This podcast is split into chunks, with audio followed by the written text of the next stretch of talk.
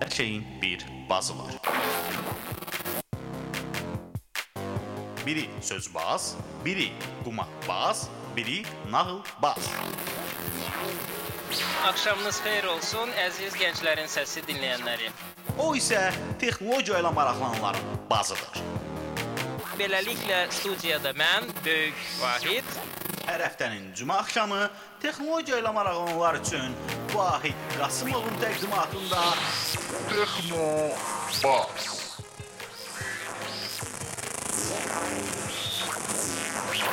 texnologiya ilə bağlı hər şey. Texnobazda. Salam, hər vaxtınız xeyir olsun, əziz gənclərin səsi dinləyənləri. Hər cümə axşamının axşamı olduğu kimi saat 21:00-da Gənclərin Səsi onlayn radiosunun efirində canlı olaraq yayımlanan Texnobaz verilişi yenə də efirdədir. Bizi canlı efirdə dinləyənləri salamlayıram. Canlı efirdə bizə qulaq asa bilməyənlərə xatırlatmaq istəyirəm ki, qulaq asmadıkları verilişləri onlar bizim saytımızda, CSRFM saytımızda Texnobazın arxivində tapa bilərlər. Verilişlərin arxivində bütün indiyə qədər olan verilişlər yer alır. Texnobaza ilk dəfə dinləyənlərin nəzərinə isə çatdırmaq istəyirəm ki, Gənclərin Səsi onlayn radiosunun efirindəki Texnobaz verilişi texnologiyaya marağı olan gənclərə ümum dünya texnologiya xəbərləri, yeni texnologiya yenilikləri və milli texnologiya həyatı haqqında biri-birindən maraqlı qonaqlarla müxtəlif mövzularda cəb canlı ə, bir verilişdir. Ə, söhbətlər aparırıq. Bu həftə ə, bomba kimi partlayan texnoloji ə, yenilik ondan ibarət idi ki, Milli Elmlər Akademiyasının Kibernetika İnstitutu nəzdində ə, çalışan bir qrup Azərbaycan dilinə ən uyğun bir şəkildə işlədilə biləcək bir milli klaviatura ə, icad olunmuşdu və onun təklifi artıq təsdiqlənib ə, və bu xəbər ə, bir mənalı olaraq qarşılanmayıb. Ə, kompüter və ümumiyyətlə texnologiya cəmiyyətinin ə, içərisində. Bununla əlaqədar təbii ki, biz gündəmdən geriyə qalmamaq üçün çox maraqlı bir qonağı dəvət eləmişik studiyaya. Hal-hazırda bugünkü texnobazımız ə, Qorxmaz müəllimdir suallardan qorxmayıb studiyaya gəldiyinə görə ə, ona böyük bir minnətdarlığımızı bildiririk. Qorxmaz müəllim, zəhmət olmasa özünüzü təqdim edin ki, ə, dinləyicilərimiz başa düşsünlər nəyə görə məhz siz bugünkü qonağımızsınız, sizin ə, mətləbə aidiyyatınız nədir və ümumiyyətlə bugünkü verilişimizin mövzusu milli texnologiyalardır. Biz sadəcə klaviatura haqqında deyil, ümumiyyətlə milli texnologiyalar haqqında Qorxmaz müəllimlə söhbət eləyəcəyik. Buyurun müəllim.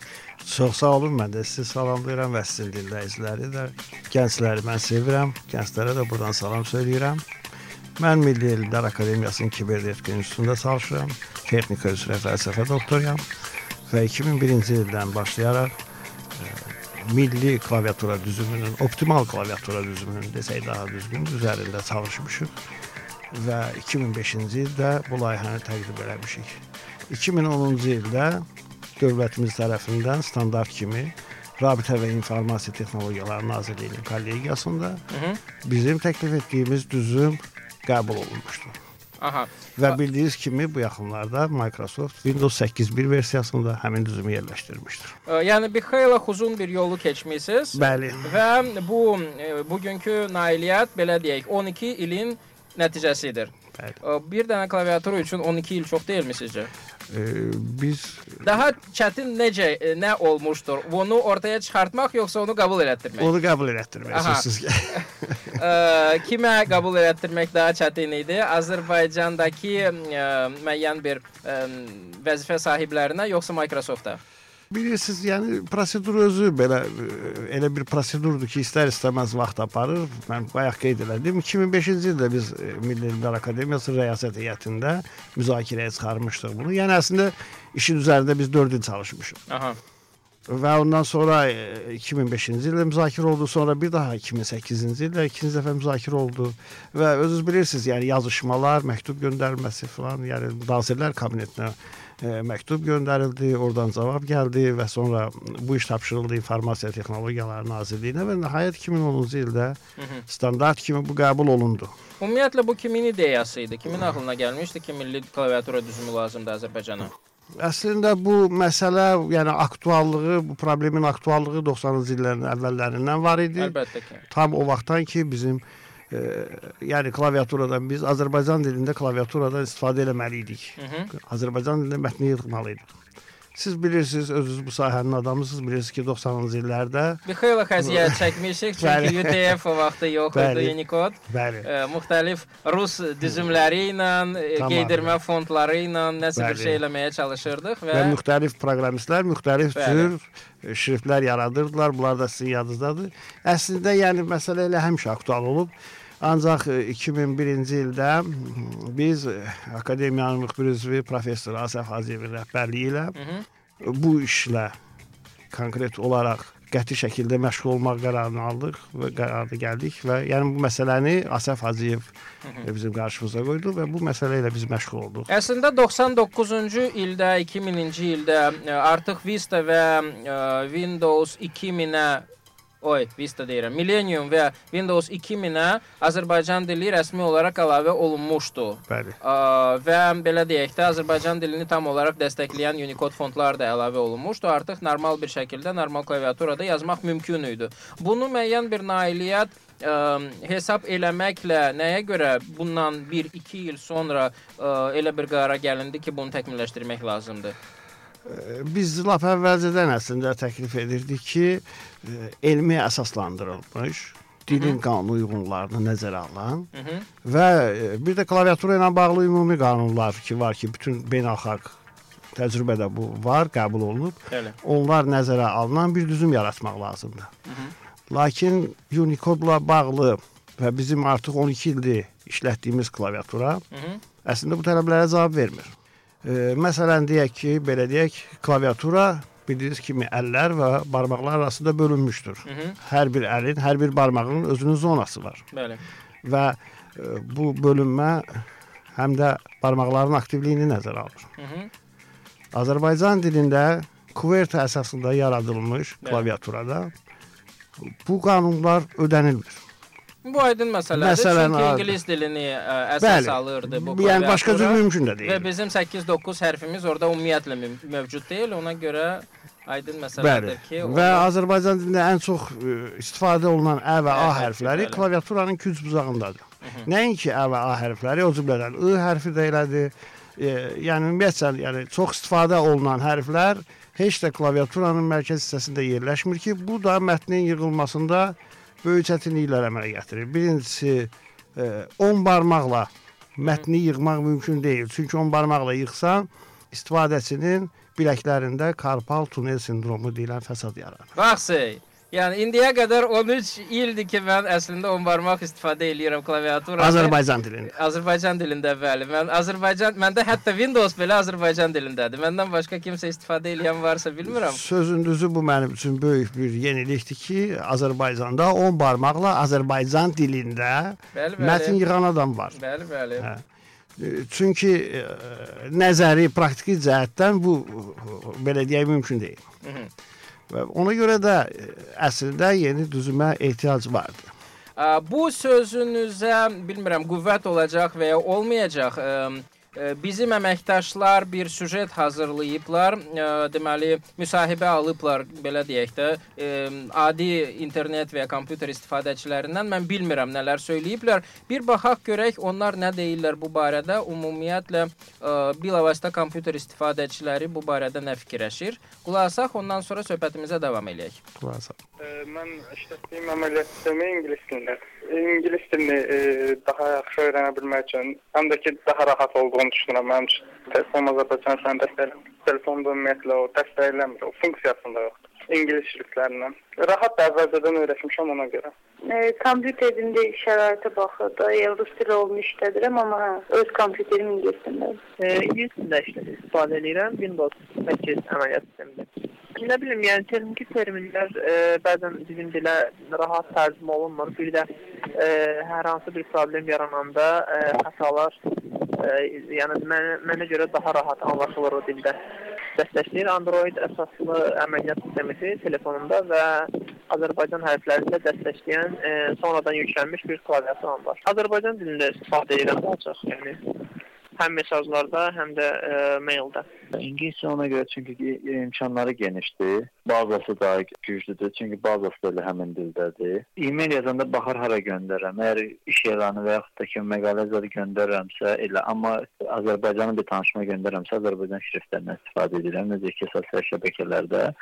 Mən rus dilində işlədirəm, əməliyyat sistemi. Fərqi yoxdur əslində mənim üçün. Mən prosta format aparıb verirəm. Ə, Formatda yazılar əksəriyyəti yəni ə, bildiyi üçün yəni Bakı, Azərbaycanda yəni əksəriyyət rus dilindədir, rus dilində istifadə edir. Nə də rus dilində yazılar, məncə rus dilində istifadə edir. Məndə telefon ə, indiki telefon dəstək eləmir, amma bundan əvvəlki dəstək eləyirdi. Azərbaycan dilində istifadə edirdim. Hərflər də Azərbaycan dilində var idi. Bunda olmadı. Yəni ə, sonra isə yükləmədim, eləmədim. Telefonda mən əməliyyat sistemi məndə ə, ingilis dilindədir. Bax, belə e, görüşlərimiz var. E, deməli, burdan belə çıxır ki, istifadəçilərin ən azından yarısından çoxu ümumiyyətlə Azərbaycan dilindən istifadə eləmir. İstər əməliyyat sisteminin dilində, yəni ki, mən deyəsən tək Azərbaycan dilli e, əməliyyat sisteminin istifadəçisiyəm. E, müəllim, sizdə əməliyyat sistemi hansı dildədir? Məndə həm ingilis, həm rus dilində var. Ara bir Azərbaycan dilində də daha doğrusu istifadə eləmək nöqteyi nəzərindən yox, yəni baxıram ki, görüm nələr var, nələr yoxdur. Aha. Ə, yəni ki, özünüz də Azərbaycan dilindən əslində istifadə eləmirsiniz, Yox, belə çıxır. Deməli, gəlin biz belə danışaq da, biz başqa məsələlərə baxırıq. Əgər söhbət Azərbaycan hərflərinin klaviaturada düzümündən gedirsə, onun rahat olub olmamağından Yox, yox, gedirsə, əməliyyat sisteminin dilindən hal-hazırda Hə, danışırıq. əməliyyat sisteminin dili bu tamam başqa bir şeydir. Yəni mən qulaq Yəni, çünki paralel olaraq bir xəbər daha çıxdı ki, Windows 8 1-in həm Azərbaycan versiyası da təsdiqlənib, həm də ki 8 belə Azərbaycan ə, təzə klaviaturası əlavə olunub. Yəni madam ki bunu hətta və hətta yenicə çıxan ə, əməliyyat sistemini tərcüməsini belə edirlərsə, bu barədə fikirləşirlərsə, deməli yəni ki bu ciddi bir işdir. Nəzərdə tutulur ki, kimsə bundan istifadə eləyəcək. Yəni bundan E, gəlin belə deyək, kimsə yox. Əhalinin böyük əksəriyyəti istifadə edir. böyük əksəriyyəti istifadə eləmir. Yəni bu, ki bu günləri əgər Bakının küçələrində bir neçə nəfərdən neçə nəfərin rəyini öyrənib belə nəticə çıxarmaq mümkündürsə, bu, bunu mən təəssüflənirəm. Çünki mən e, uzun illər Azərbaycanın müxtəlif regionlarında e, kompüter texnologiyaları sahəsində maarifləndirmə işi ilə məşğul olmuşam. Elə günü bu gün də mən regionlarda gördüyüm odur ki, kompüterlə ünsiyyətdə olan bizim gənclərimizin böyük əksəriyyəti nə ingilis dilində, nə rus dilində yaxşı bilmirlər və ona görə də Elədir çətinlik çəkirlər. Çətinlik çəkirlər. Ona görə də əslində Azərbaycan dilində interfeysə çox böyük ehtiyac var. O cümlədən də elə Azərbaycan klaviaturasında da çox böyük ehtiyac var, mən sizə deyim bunu. ehtiyac ola bilsin imtahası. Əslində belə bir statistika varmı? Müəllim, ümumiyyətlə əlifbası, latın əlifbasının üzərində qurulan hansı ölkələrin klaviaturası QWERTY-dən fərqlidir? Məsələn, türklərdə Q klaviaturada var, klassik və amma F klaviaturasından var. istifadə edirlər. Bəli. Başqa hansı ölkələrdə ə, var belə bir praktika? Məsələn, Fransada var, Başqa? Amerikanın özündə var. O. Əgər bu saat elə siz Windows-da açıb dili seçməyə baxsaz, orada Amerika var, həm ingilis F dilində, var. orada deməli e, bir QWERTY var. Aha. Bir də Dvor Dvorak klaviaturası var. Ну, o Dvorak Lab qədim ə, raskladkadır. Ondan çoxdan da istifadə etmirlər. Əslində. QWERTY Dvorakdan da qədimdir. Yəni Dvorak e, bu 30-cu illərdə, 40-40-cı illərdə yaradıldı. Bu daha optimaldır əslində QWERTY-yə nisbətən. Sadəcə olaraq ona görə özünə çox yer tutmadı ki, bu e, sahibkarların, istehsalçıların biznes maraqlarına uyğun gəlmirdi. Yəni. Bəs bu necə olur? Bütün digər alternativ klaviaturalar daha rahatdır, daha uyğundur, amma ki ən çox tutulan QWERTY-dir. Bu nə bəladır? belə? Azərbaycan dili çox rahatdır, çox uyğundur. Ən çox tutulan ingilis dilidir. Belə deyək, hə. Bu günlərim gənclər onda nə edək yaxşı? Gəlin onda Azərbaycan dilini ümumiyyətcə öyrənməyək, ancaq ingilis dilini Yox, söhbət ondan getmir. Yəni ki, bu nə paradoksdur belə ki, məsələn, hətta Türkiyənin özündə belə Q və F klaviaturaların mən statistikalarına baxdım. Ə, dilə uyğun olan F klaviaturasından cəmi istifadəçilərin 9,7% istifadə eləyir. Yəni 90 neçə faiz Q-dən istifadə eləyir. Bir balaca səbəb deyə bilərəm sizə. Məsələn, günü bu gün də bilirsiniz ki, deyək ki, Azərbaycan dilində, Azərbaycan hərfləri ilə e, kiməsə birinə məktub yazırsan, o öz kompüterində açır və hərfləri görmür. Oy, Bilirsiniz ki, olur? Bilirsiniz bu problem var yəni. Bu dəqiqə yox. Bu dəqiqə yoxdur artıq. Bu dəqiqə olmamalıdır. Əgər bu indi artıq Yəni götürülür. telefonlar artıq hə- hərfini, bütün Azərbaycan hərflərini rahat bir şəkildə dəstəkləyir. Nə, yəni mən o hələ problem- telefonu demirəm. Yəni deyək ki, bu yaxın zamanlara qədər hətta kompüterdə, yəni internetdə bir e-maillə bir məktub yazırdın, ə hərfini yazırdın, qarşıdakı tərəf yazırdı O ki, xahiş XP-yə edirəm. qədər olan sistemlərdə elə bir problem var idi. XP-dən sonra elə bir şey problem qalxıb aradan mən bildiyim qədər. Deməli bu dilin tam şəkildə tətbiqi ilə bağlı hələ də bəzi həll olunmamış problemlər var. Hı -hı. Yəqin ona görədir. Məsələn deyək ki, bir arxivatordan istifadə eləyib, deyək zip-dən, RAR-dan arxivatordan istifadə eləyib, faylları arxivləşdirərkən orada biz Azərbaycan hərflərindən ə, ş və digər hərflərdən istifadə edə bilirikmi? Faylın adını qoya bilirikmi? Yox, fayl adlarında ümumiyyətlə limit var. Bu başdan, yəni biz tələbələrə də başa saldığımız vaxtı köhnə üsulla deyirik ki, fayl adı 8 xarakterdən çox olmasın hərfdən və içində ancaq latın hərfləri istifadə olunsun. Və yaxud da ki, deyək ki, məsəl üçün bu gün e, mənim üçün özüm üçün çox maraqlıdır. Hansı nəşriyyatda artıq köhnə şriftlərdən imtina ediblər, yeni şriftlərdən. Deyək ki, elə kuvertin əsasında yaradılmış Aha. E, Unicode-dən əsasında, e, bəli. Unicode əsasında yazılmış mətni qəbul edirlər ki, onu kitab şəklində çap eləsinlər. Yox, artıq bir çox mətbəə Artıq qəbul var. eləyir. Bəli, yəni 2-3 ilin nailiyyətidir. 2-3 ilin görürsüz. Yəni yəni belə problemlər olduğuna görə də Hı -hı. İndi 2001-ci ildə bizim deyək ki, Unicode olandan sonra, yəni bu QWERTY əsasında yaradılmış klaviatura hı. qəbul olunub. Bəli, Üstündən onu keçibdi. bəli. Amma yəni bu 10 il ərzində nəşriyyatlar işini dayandıra bilməzdi. Əlbəttə ki. Deməli hələ də problemlər var. Ona görə də o problemlərlə bağlı olaraq da yəqin ki insan. Mən sizə bir şey deyim, bu təxminən bir 5-6 ay bundan qabaq mən öz tələbələrim arasında bir eksperiment keçirdim. -hı. İnformatika dərsində. Bəli. Mən tələbələrimə bir cümlə dedim, xahiş elədim ki, o cümləni yazsınlar. -hı. Doğma şəhərimiz Bakı gündən-günə gözəlləşir. Bəli. Özüm bilərəkdən belə bir cümlə seçmişdim ki, burada ə hərfi var, bəli, ş bütün hərfi var. istifadə olunsun. Deməli, təxminən 100-ə yaxın tələbə iştirak edib eksperimentdə. 90 neçə nəfər belə deyək. Onlardan bir 20%-i ümumiyyətcə Azərbaycan dilini seçməmişdi. Hı -hı. E, seçən dili seçənlərdən yerdə qalan o 80%-dən də onların da təxminən yarısı orfoqrafik səhvlər buraxmışdı. Yəni ə hərfinin yerinə e yazmışdı, ı hərfinin yerinə i yazmışdı. Hı -hı. Bu onu göstərir ki, yəqin ki, indi gənclərimiz daha çox t- telefonun klaviaturasına uyğun- Öyrəşiblər, və ona görə də onlar Hətta ş əvəzinə W istifadə W istifadə edənlər edir və s. də. Ancaq görünür ki, bu müəyyən müddət bu belə gedib və bunun o, əvvəl axır həllini tapmalıdır. Hı -hı. Yəni e, birdən-birə bu gün yatıb sabah durub ideal ola bilmərik. Nə vaxt olacağıq? Heç olmasa ideala bir qədər yaxınlaşacağıq sizin. İnşallah artıq artıq bir 10 ilin daha mı keçməsi lazımdır? İnşallah Azərbaycan dilində interfeys Windows var, Azərbaycan milli klaviaturası var. İndi qalır ki, bunu sadəcə olaraq daha çox təbliğ olunması, gənclərimizə izah olunması ki, bu onların xeyrinədir. Yəni ingilis dilində yazanda təmiz ingiliscə yazmaq lazımdır, rus dilində yazanda təmiz rusca yazmaq lazımdır, Azərbaycan dilində yazanda da təmiz Azərbaycanca yazmaq lazımdır. Eyni zamanda da danışmaq O lazımdır təmiz. əlbəttə ki, o bizim problemimizdir, ümumilli problemimizdir belə deyək. Bəs yaxşı bu işlərlə, maarifləndirmə işi ilə bunlarla kim məşğul olacaq? Yəni ümumiyyətlə bu ə, milli klaviatura ancaq kibernetika institutu nəzdində ə, klaviatura olaraqmı yaradılıb, yoxsa hər hansı bir dövlət proqramı var, hansının ki çərçivəsində milli klaviatura bir hissəni tutur, maarifləndirmə məsələsinə başqa bir nazirlik mi baxacaq, qurum mu baxacaq? Yəni belə bir proqram varmı?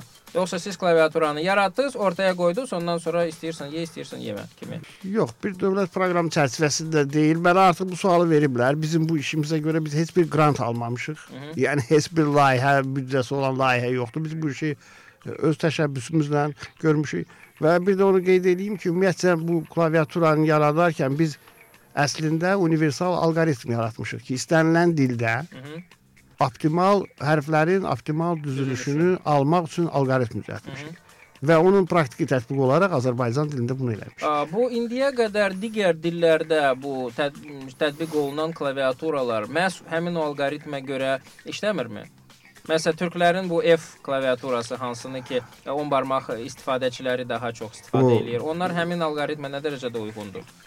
Onu heç yoxlamısınız? Təxminən bir 70% uyğundur sizə deyim. Yəni onlar da yəni orada hərflərin rast gəlmə tezliyini, dilin qanuna uyğunluqlarını nəzərə alıblar, amma bir tarixə baxsaq, yəni Türkiyədə bu işi 50-ci illərdə yəni. Bəli, 55-ci ildə təsdiq olunub. Ona görə də o o illərdə, yəni bugünkü texnologiya yox idi sözsüz ki, ona görə də bir çox məsələləri onlar istəsələr də, istəməsələr də e, bir qədər orada subyektiv yanaşmalar olmalı idi. Ancaq bugünkü gündə kompüter texnologiyası olduğuna görə, bir çox hesablamaları aparmaq mümkün olduğuna görə Bəli. Siz həmin bu şeyi bir şəkildə patentləşdirmisiniz ki, Bəli. sabahları başqaları istifadə edə bilsinlər. bəli, Yəni bu milli patentdir yoxsa beynəlxalq? milli patentdə var və biz Avrasiya patentində də vermişik. Aha, bu bu çox Təqdim əslində eləmişik. çox maraqlı bir faktor. Prosta mənə bir şey də maraqlıdır ki, artıq 2013-cü ildir. Biraz e, biraz gecikmişik aydın məsələdir ki, bunu Hə, biraz 10 il gecikmişik. bizdən bəli, bizdən sonra da ə, görəsən öz ə, dillərinə uyğun milli klaviatura həmin ə, patentdən və həmin texnologiyadan istifadə eləyərək yeni klaviaturalar çıxardanlar da olacaqmı? Nə fikirləşirsiniz? Ola bilər. Məsələn, mən sizə deyim, hətta 2005-ci ildə mən e, Ukraynada bir beynəlxalq konfransda e, çıxış eləyərkən deyək ki, orada maraqlanmışdılar, məsəl üçün deyək ki, Qazaxıstandan maraqlanmışlar, Özbəkistandan maraqlananlar olubdu müəyyən dövrlərdə deyək ki. Əslində yəni e, maraq göstərənlər var. Bəli. Hərçənd belə bir şey var. Bir tərəfdən deyəlim ki, türk dilli xalqların birliyinə bir şəkildə çalışırıq. O bir tərəfdən əgər hər kəs öz dilə ə, görə ayrı-ayrı klaviaturalar ortaya çıxarsa, bu işi mürəkkəbləşdirir. Hətta və hətta ə, cəmi 4-5 dənə hərf fərqli olsa belə, ə, başqa bir düzülüşə öyrəşmisənsə, bu çətinlik törədəcəkdir. Yəni belə vəhdət əmələ gətirməkdənsə biz hal-hazırda ayrımçılığa gətirib çıxardacağıq. E, Yaxşı, gəlin belə baxaq. Əgər heç nə yoxdursa, orada nə sadə var ki, sadə bir şey yoxdur. Onsuz da heç nə yoxdur. Yəni ortaq nə var? Ortaq klavia klaviatura varmı? klaviaturası var hal-hazırda. QWERTY ortaq klaviatura deyil axı. Ortaq hərflərimiz, bir neçə hərflər var ki, deyək Azərbaycan dilində ki, türk dilində yoxdur. Onda nə edək? Bütün türk dilli xalqlar bəlkə də 10 il bundan sonra, 20 il bundan sonra bəlkə də bütün türk dilli xalqlar doğrudan da yeganə bir əlifba qəbul eləyəcəklər. Yəni inteqrasiya prosesi gedir. Biz bilmirik 10 ildən sonra necə olacaq. Ancaq bugünkü gündə axı elə bir sadəlik yoxdur ki, biz onu bir fərqli klaviatura yaratmaqla mürəkkəbləşdirək. Kaş biraz qabağa baxıb onu da nəzərə alsaydınız və sırf Azərbaycan dilinin yazma qaydalarını yox, belə deyək də, ən azından ə, 4-5 xalqın dilini götürüb onlara uyğun ortaq bir ə, klaviatura ə, ortaya çıxardı ki, tutalım ki, o bir neçə ölkəyə birdən uyğun olsun. Məsələn, həm tatarlara, həm türklərə, həm azərbaycanlılara, həm özbəklərə. Bəlkə də bu gün bizim təklif etdiyimiz alqoritmi götürüb tətbiq eləsələr elə elə alınacaq. Alınmasa, yəni ki, ona heyflənəcəm. Bilirsiniz deyə fikirləşirəm ki, alınacaq. Ona görə ki, həmin bizim verdiyimiz alqoritmdə ilk növbədə milli dilin qanuna uyğunluqları nəzərə alınır. hı. İndiki biz bir dil qrupuna daxilik. Bəli. Deməli bizim qanun bir çox qanuna uyğunluqlarımız uyğun gəlir. Ona qalsa Chomsky-nin Universal Binding teoriyaya görə ümumiyyətlə bütün dillər müəyyən bir qanuna uyğun hərəkət eləyir. Beləliklə bütün dillər üçün bu eynidir. Allah ona rəhmət eləsin. Biraz da gücləndirir məsələni. Hə. Ə, onda ə, belə bir ə, sualım var bununla əlaqədar. Yəni siz özünüz əgər deyirsiniz ki, biz bir 10 il gecikmişik bu məsələ ilə. Ə, 10 il gecikmiş ə, elmi məsələ ə, praktikada nə dərəcədə öz əksini tapacaq? Yəni siz nə fikirləşirsiniz bu barədə? Çünki bu böyük bir problemdir. Bu dəqiqə ə, kompüterləri klaviaturanın üstündə yeni hərflər olmalıdır.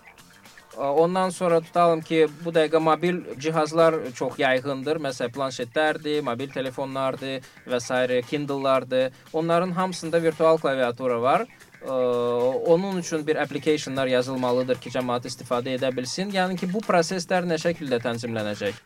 Application artıq Microsoft tərəfindən yaradılıb da əslində O. Windows üçün. Bəli. Bəs bunun Android-i var, bunun iPhone-u var, bunun BlackBerry-si var. İndi onlar da o necə deyirlər, o bazardır, rəqabətdir. O yəqin ki, rəqabətə baxıb, yəqin ki, bu işlərlə məşğul olacaqlar. Ancaq mən başqa bir şey qeyd eləyərdim. Bilirsiniz, son 20 il deyək ki, bizim Azərbaycan müstəqil olandan sonra 20 illik tariximizə baxanda biz görürük ki, biz bu 20 ildə bir neçə dəfə bir çox dəyişikliklərə öyrəşmişik. Hı -hı. Yəni əslində biz öyrəşmişdik QWERTY-yə. İndi bu necə olacaq? Bu heç də əslində bir problematik bir iş deyil. Öyrənmək istəyən öyrənəcək. Hə, rəhmətlik babam e, ibtidai məktəbdə əski əlifba ilə yazırdı, orta məktəbdə latın əlifbası ilə, son illərdə artıq kirilə keçmişdi. Tamamilə doğru. Ona görə də e, biz də ən azından iki klaviaturanı, e, iki əlifbanı görüb e, iki dildə dərsliklərdən dərs alırdıq Bəli. və hal-hazırda da klaviatura düzümü artıq necə deyirlər, bizi çox qorxuzmasa da e, mən əslində püşütü oxuyanda biraz qorxdum. Çünki bir dənə də hərf mənim öyrəşdiyim QWERTY-yə uyğun gəlmir. Yox, orada 3 dənəsi uyğun gəlir. Üç dənəsi uyğun gəlir, gözəl. Ə, müəllim bir dənə də şey var. Əslində bu özünüz də qeyd elədiniz ki, dilin ə, qaydalarına uyğun yaradılmış bu klaviatura ona xidmət göstərməlidir ki, 10 barmaq yazmaq mümkün olsun. Bəli. Düzdürmü? Ə, 10 barmaq yazanların sayı Azərbaycanda mən heç zənn etmirəm ki, həddindən artıq çoxdur. Ümumiyyətlə bu texnologiyanı öyrənmək üçün xüsusi proqramlar var. Məsələn, paralel olaraq paralel gətirsən, məsələn Türkiyədə 10 barmaq yazmağı öyrədirlər jurnalistika fakültələrinə, jurnalistlərə məhz F klaviaturası üzrə ki, onlar öz mətnlərini sürətli yaza bilsinlər. Bəli. Bizdə mən bilən jurnalistikada elə bir şey öyrətmirlər. Ondan sonra Axı necə öyrədərdilər? Axı bizdə P klaviaturası yox idi. bu İndi yaranıb. olmasa olanında nəsə bir şey eləyə Olanda mümkün deyil. Sadəcə olaraq mümkün deyil. Amma ki, yox, mən bacarıramsa deməli söz ki mümkündür. Özü ki mənə öyrədən də olmamışdır. Mən e, Türk klaviaturası əsasında onu bir şəkildə Ola eləməyə bilirsiniz, siz çalışdım. deyirsiniz mən çox təəccüblənirəm. Çünki yenə deyirəm, e, bax e, Azərbaycan dilində ən çox özdə kəskin şəkildə çox istifadə olunan Bəli. ə və a hərfləri Aha. klaviaturanın kiçik barmağın zonasına düşən Bəli. yerindədir. Yəni ki, Azərbaycan xalqında hansı ki 10 barmaq istifadə eləyir, kiçik barmaqlar yaxşı inkişaf eləyib. Əzələlər çox güclüdür. Bizim e, apardığımız eksperimentlər heç də bunu göstərmədi. Yəni biz öz elmi tədqiqat işimizdə Hı -hı. barmaqlara düşən yükü təyin eləmək üçün 74 nəfər arasında eksperiment aparmışıq və o 74 nəfərin Arasında mən yox idim. demək olar ki, hamısı informatika texnologiyalarına, kompüterlə bağlı insanlar idi. Hı -hı. informatika müəllimləri idi. Və mən o o vaxt yəni biz o təcrübəni aparanda mən Bakı Elmi Tədris Mərkəzi deyilən bir mərkəz vardı, bilmirəm yadınızdadır ya yox. Hı -hı. O mərkəz birbaşa informasiya texnologiyaları ilə bağlı bir mərkəz idi. Və orada bizim işçilərimizin hər biri kompüter arxasında otururdu səhərdən axşam. Yəni biz eksperimenti aparmışıq birbaşa kompüterlə bağlı olan insanlar arasında. Yəni təsadüfi adamlar olmayıbdı. Və bizim eksperimentin nəticələri onu göstərdi ki, kiçik barmaqlar çox az şeyə qadirdirlər. Və 10 barmaq yazmaq hazırki düzümlə mümkün deyil. Hı -hı. Ə, oldu müəllim. Biz bir balaca yorulduq şəxsən mən. Ə, təklif eləyirəm ki, bir balaca musiqi arası verək, ondan sonra söhbətimizə Muzikani davam pauz. edək. Bəli.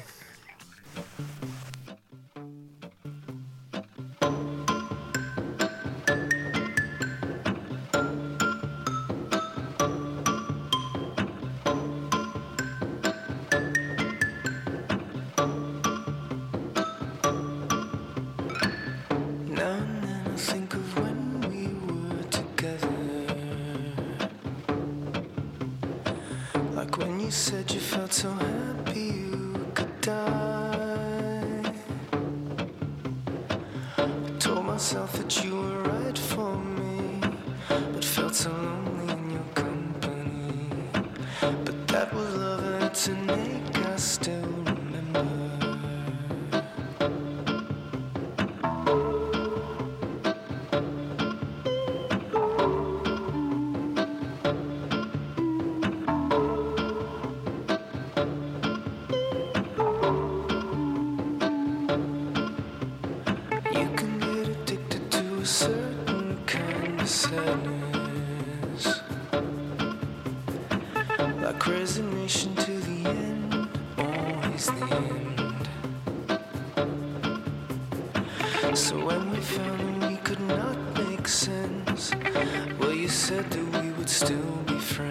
But I'll admit that I was glad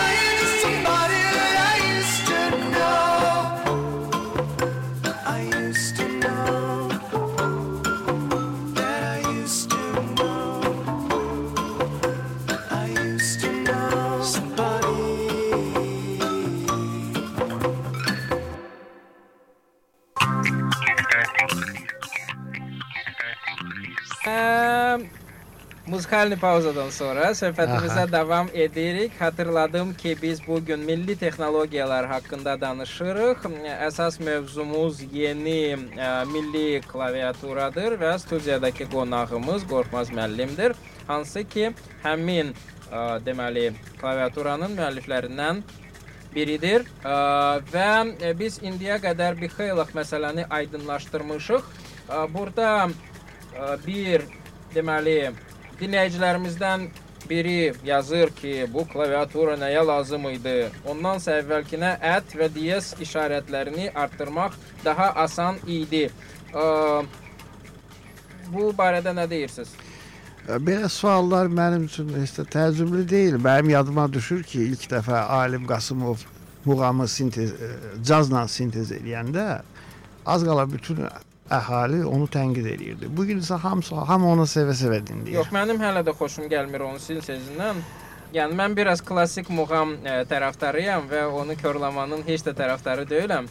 Ondan sonra çox maraqlı bir ə, təklif var idi burada. O barədə ki, klaviaturalarımızda həqiqətən də ikisində də ə, ət işarəsi, ondan sonra ə, W ə, hərfi və diez işarəsi çatışmır, hansılar ki, internetdə istifadə olunur. Onun üçün ə, püşutda ə, nəsə nəzərdə tutulub ki, birbaşa onlardan istifadə eləyək əlifbanı dəyişdirmədən, dili dəyişdirmədən daha doğrusu. E, Deməli, e, hal-hazırki kla- klaviaturalarda düymələrin sayı çoxdur. E, Biz o məsələyə baxanda 33 düymə idi. Aha. E, və o 33 düymənin 32-si bizim Azərbaycan dilinin hərflərinə lazım idi. Aha. Bir düyməni isə vermişik nöqtə və vergülə. Aha. Amma bugünkü gündə e, əslində düymələr biraz çoxdur. Yəni həm DS-i yerləşdirmək olar, həm W-nu yerləşdirmək olar prinsip etibarilə. Yəni onlar da nəzərdə tutulsa əslində əla olar. Heç olmasa ə, belə deyək də QWERTY-nin tərəfdarlarına nəsə bir cavab verməyə ə, dilimiz olsun. Ə, bir də ki bir şey daha var. Ə, YouTube-da bir video rolik var idi. Əməkdaşlarınızdan biri ə, səhv eləmirəmsə söyləmişdi ki, orada bir space düyməsi də ə, sağdan soldan biraz kəsilərək orada lar və lər şəkilçilər üçün ə, əlavə düymələr nəzərdə tutulmuşdu. Bu həqiqətən də deyəsən layihədə var idi. Real şeydə belə bir şey mö- mövcuddurmu yoxsa Bilirsiniz biz bunu bu araşdırmaları aparmışdıq. Doğrudan da lar və lər bu üçlüyü həddindən artıq çox istifadə olunur Azərbaycan dilində Hı -hı. və biz bunu belə deyək, bir səmərələşdirici təklif kimi vermişdik. Hı -hı. Ki, yəni əgər kimsə məqbul sayarsa bunu, yəni bunu eləmək olar, yəni. E, space düyməsini qısaldaraq bir tərəfdə lər, bir tərəfdə lar yerləşdirmək olar. Hı -hı. Əlbəttə bunu heç düyməsiz də eləmək mümkündür. Yəni deyək ki, məsəl üçün Word-də mətn yığarkən bunu avtomatik Makrodan əvəzləmə olar, çox sadə, avtomatik əvəzləmə qrup, yəni bir düyməni bas iki düyməni basmaqla labləri vurmaq olar İki əslində. düyməni basmaqla üç düymə hərfin yazılması Hə, demək olar ki, elədir. effektiv bəli, deyil. Bəli. Amma sizə deyim ki, o əslində maraqlı bir təklif idi. Ə, Bəs indi gələk deyəlim ki, bunun tətbiqi məsələlərinə. Tutalım ki, siz bunu ə, düzülüş olaraq ortaya qoydunuz. Bəli. Elmi əsaslı, gözəl, ə, rahat bir düzülüşdür. Hə, hətta onun rahatlığı məsələsi, yəni bir çox ə, mətbuatda bir çox məqalə, bir çox intervyu ə, oxumuşuq bu barədə, amma heç bir yerdə mən belə bir şeyə rast gəlmədim. Ə, Hərçənd o rəqəmi ə, dünən ə, Osman Gündüz müəllimdən eşitmiş oldum. Hərçənd mətbuatda heç bir yerdə çıxmadı.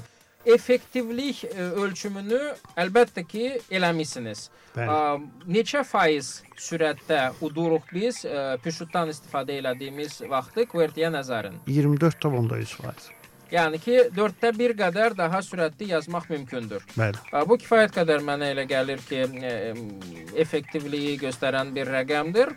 Hərçənd istərdim ki, rəqəm heç olmasa 50-60 olsun ki, belə tam sərbəst deyə bilək ki, bu çox daha effektivdir. Bilirsiniz biz onu yəni praktikada yoxlamamışıq. Biz onu proqram qurmuşuq. Yəni emulyasiya e, eləmişik ki, yəni mətn yığılır e, Kiril e, düzümündə, e, sonra QWERTY düzümündə və bizim verdiyimiz düzümdə QWERTY ilə Kirilli müqayisə eləyəndə hansı daha yaxşı idi? Kiril. Kiril QWERTY-dən daha yaxşı Bəli, çıxdı. Çox bəli, maraqlıdır. Bəli. Çox maraqlıdır. Əsas səbəb e, məhz A hərfinin mərkəzdə yerləşməsidir. Kirildə A hərfi mərkəzdə yerləşir. Bəs real insanlarla bunu test eləmək nə əcəb pro şey, şey eləmədiniz? Ə, real insanlarla bunu eləmək üçün əvvəlcə bu ə, düzüm qəbul olunmalı idi. Bunun üzərində müəyyən qədər vərdişlər yaranmalıdır ki, ondan sonra bunu real olaraq yoxlayasan. Sizin kifayət qədər vaxtınız var idi. Özünüz demisiniz ki, bunun qəbul olunması yaranmasından daha uzun müddət çəkdi. Ya əslində o müddətdə o 5-6 il ərzində edə bilərdiniz testləri ki, onun qəbul edilməsi daha inandırıcı olsun. 5-6 il ərzində elə bilərdik. Ancaq bilirsiniz, mən bayaq sizə e, e, artıq dedim, məlumat verdim ki, biz bu işdə Hı -hı.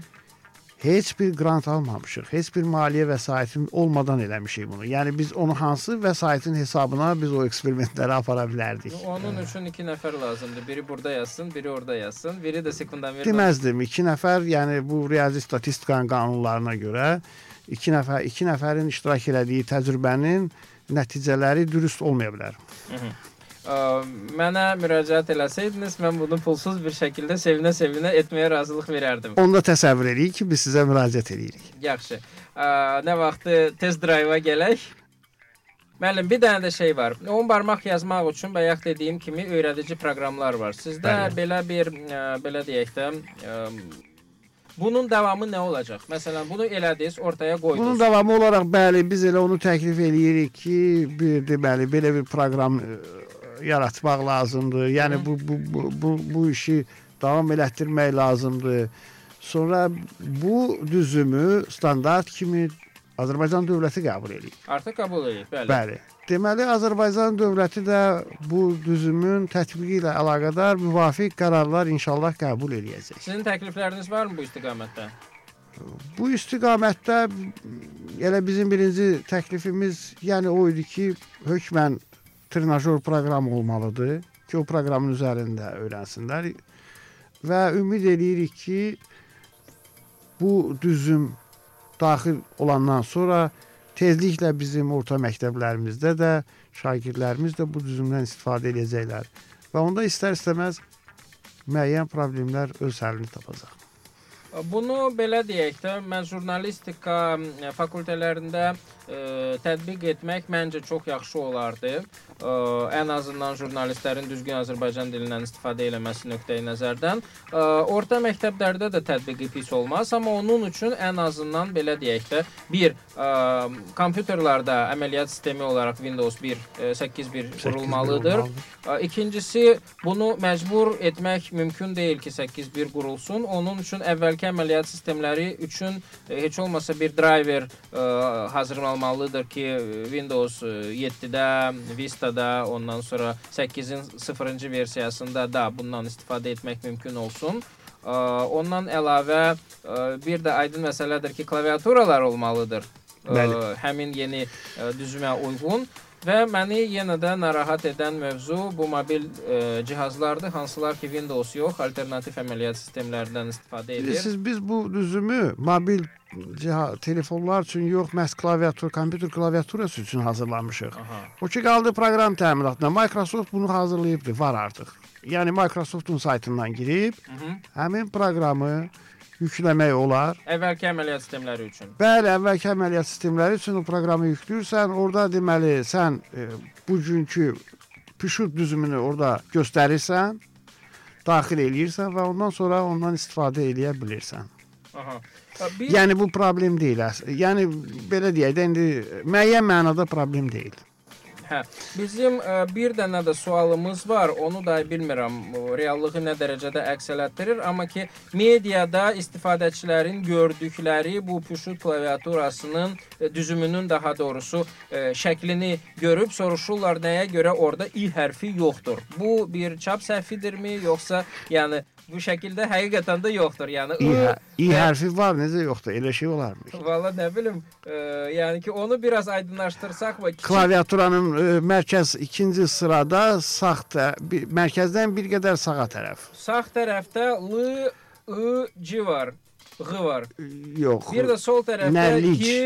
L-dan sonra i-dir. L-dan sonra I olmalıdır. İ Aydındır. sonra c. Aydındır. Deməli bu sadəcə ə, mə- mətbuatda bizə əks olunan şəkildə mexaniki bir problem bəli. var.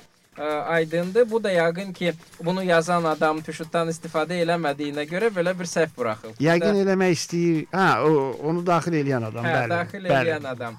Aydındır. Ə, mən də eləcə ə, təxmin eləmişdim onsuz da.